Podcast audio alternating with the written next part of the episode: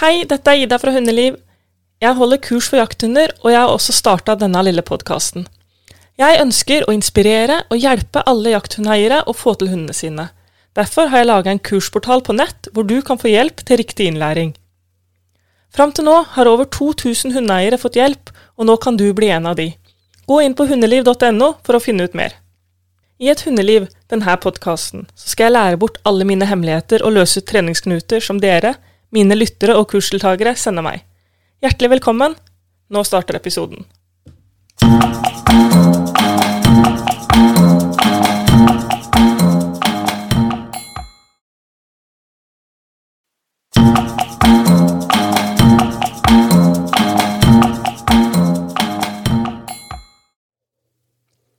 Hei, hei.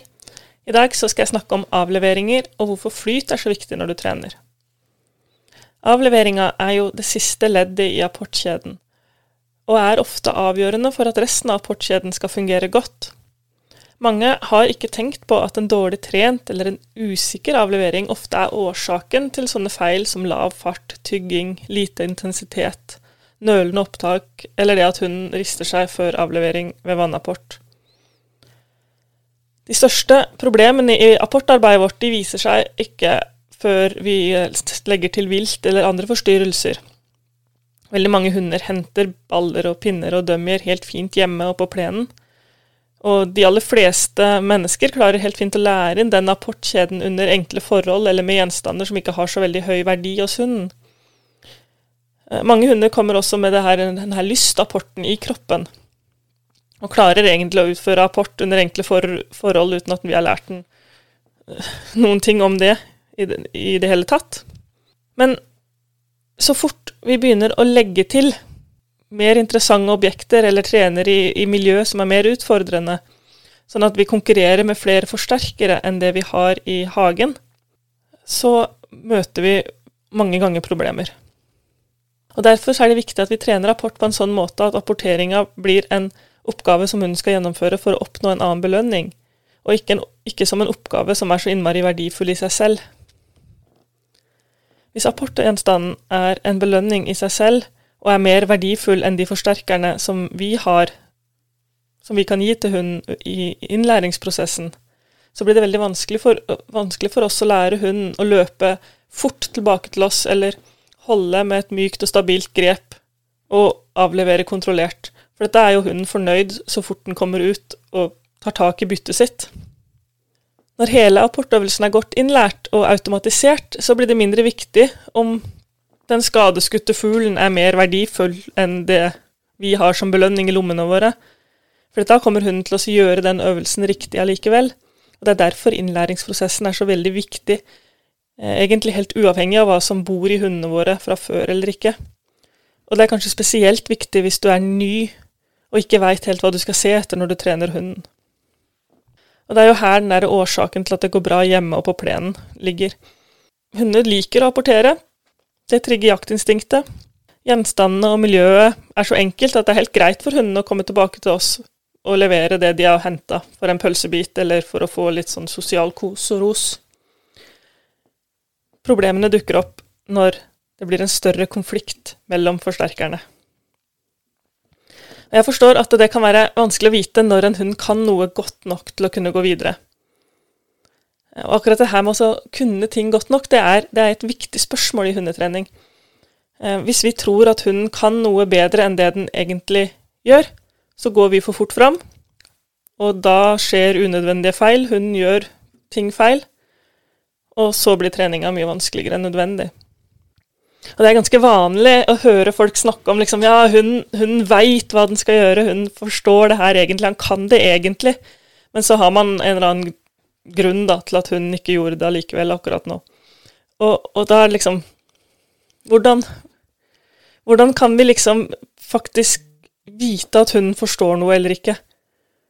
Fordi hundene kan jo ikke snakke.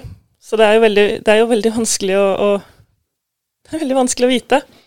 Og med en gang vi liksom prøver å sette oss inn i, i hundens eh, tankevirksomhet med å, ja, med å, lage oss sånne teorier om hva hunden tenker og forstår, så, så, er vi jo på en måte egentlig nede på samme presisjonsnivå som religion og konspirasjonsteorier. eller politisk propaganda.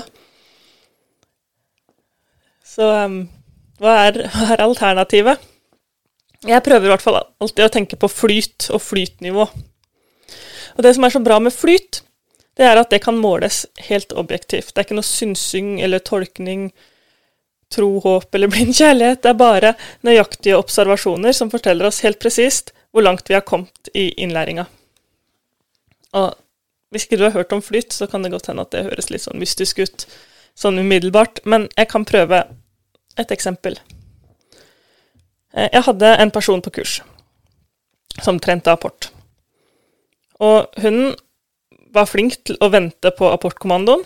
Den løp ut, henta apporten, kom raskt inn, men rett før avlevering så slipper han apporten. Når vi gjorde dette her fem ganger, så klarte han bare å holde apporten én av gangene. Fire, de fire andre gangene så slapp hunden apporten på bakken foran føreren før den fikk avlevert. Når jeg ser dette her, så er det jo to ting som jeg liksom umiddelbart tenker på. Eh, enten så er ikke hunden flink nok til å, å holde dem igjen mens den kommer inn i utgangsstilling. Eller så er den ikke flink til å bare komme inn i utgangsstilling uten apport. Utgangsstilling er jo at hunden setter seg pent ved siden av oss. Um, så da må man jo prøve å feilsøke. Så først så prøvde vi å se hvor lenge hunden kunne holde apporten når den allerede satt i utgangsstilling. Og det gikk helt fint. Han kunne holde apporten i 15 sekunder. Og eh, ja, ingen problemer med å sitte og holde en apport. Deretter prøvde vi å se hvor flink den var til å komme inn på, i utgangsstilling uten apport. Altså hvor flink var den til å sette seg på plass uten apporten. Eh, og da klarte den å gjøre det seks ganger i løpet av ett minutt. Og det er ikke verst, det, men der ligger det på en måte et forbedringspotensial når den ikke klarer flere enn seks ganger eh, på ett minutt. En hund burde faktisk klare å sette seg på plass 12-15 ganger på ett minutt før jeg syns at den atferden er bra nok til at vi kan sette den sammen med å holde apporten og avlevere. Derfor trente vi mer på det at hunden skal komme inn og sette seg ved siden av oss separat, før vi begynte med apporttreninga igjen. Når du ikke er kjent med de her flytprinsippene i trening, så er det vanskelig å vite hvordan man veit at flytnivået på en, en innsitt eller en utgangsstilling skal være 12-15 repetisjoner. Det antallet det finner jeg med å se på hunder som allerede kan denne atferden veldig godt, og så telle hvor mange ganger de klarer å gjøre det på ett minutt. Og da har man omtrent eh, fasiten på det. Og Hvis ikke du har noen du kan telle oss, så kan du se at atferden har bra nok flyt med at hunden gjentar atferden umiddelbart etter at den har avslutta belønning. Altså at det ikke er noe dødtid mellom eh, repetisjonene. Altså den, den, setter seg på plass, eh, du belønner det, og så når den har spist opp godbiten, så setter den seg direkte på plass igjen. Og alle atferder har liksom sitt eget flytnivå, enten det er sitt eller ligg eller i lab eller Ja. Det er alltid mulig å telle.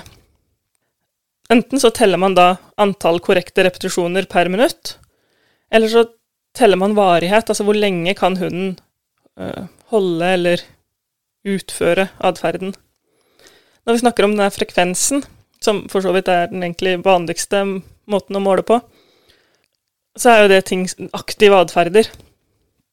Varighet den bruker vi når, når vi skal måle ting som ja, blir liggende eller blir sittende, altså ting hvor, hvor hunden er passiv. Og Hvis man da tar en sånn flytmåling på den atferden man trener med jevne mellomrom, så ser man jo veldig svart på hvitt hvor raskt treninga går framover eller ikke. I tradisjonell hundetrening så snakker man ofte om denne kravfasen. Eh, med kravfasen så mener man at man først lærer hunden å gjøre atferden riktig med hjelp av, av, hjelp og belønning. Men når hunden etter hvert begynner å lære den atferden greit, så introduserer man også straff når hunden gjør feil. Og formålet med det er liksom å gjøre atferden sikker. Belønningsbaserte hundetrenere har ikke den kravfasen, fordi vi prøver å legge opp treninga sånn at vi ikke trener med feil. Og da er det flyten som gir oss pålitelighet. Men det krever jo at du faktisk trener med flyt som målsetning.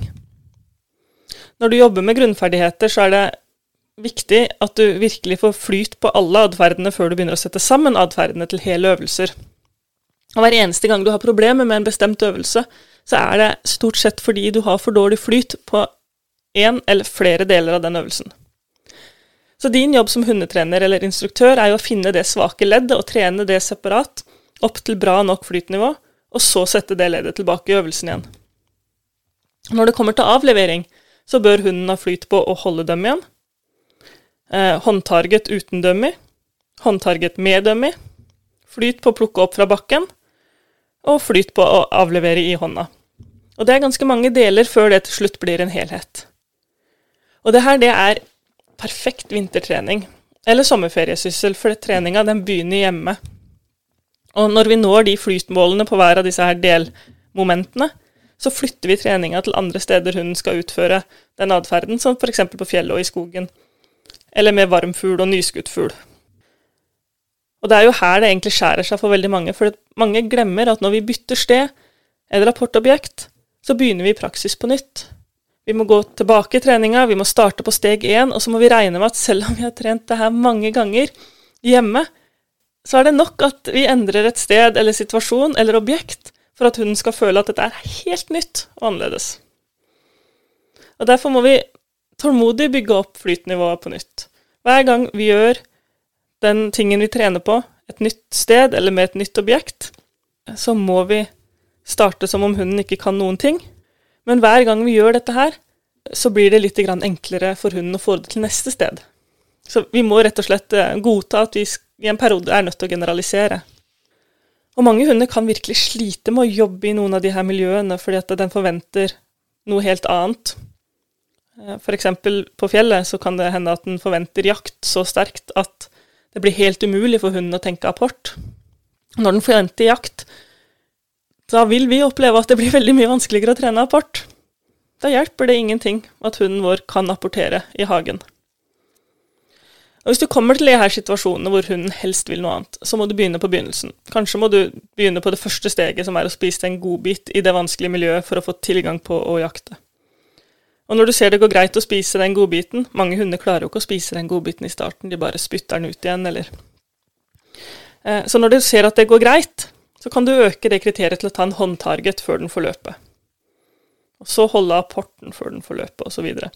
Så det handler liksom om å bryte det ned i mindre biter, jobbe seg fram til flyt, deretter øke kriteriene, og så begynne å sette sammen. Det jeg håper du tar med deg fra denne podkastepisoden, det er rett og slett det at du begynner å fokusere mer på frekvensen av atferdene du trener. Det er det som forteller deg om framdrifta i treninga. Hvor mange håndtarget greier du å ta på ett minutt?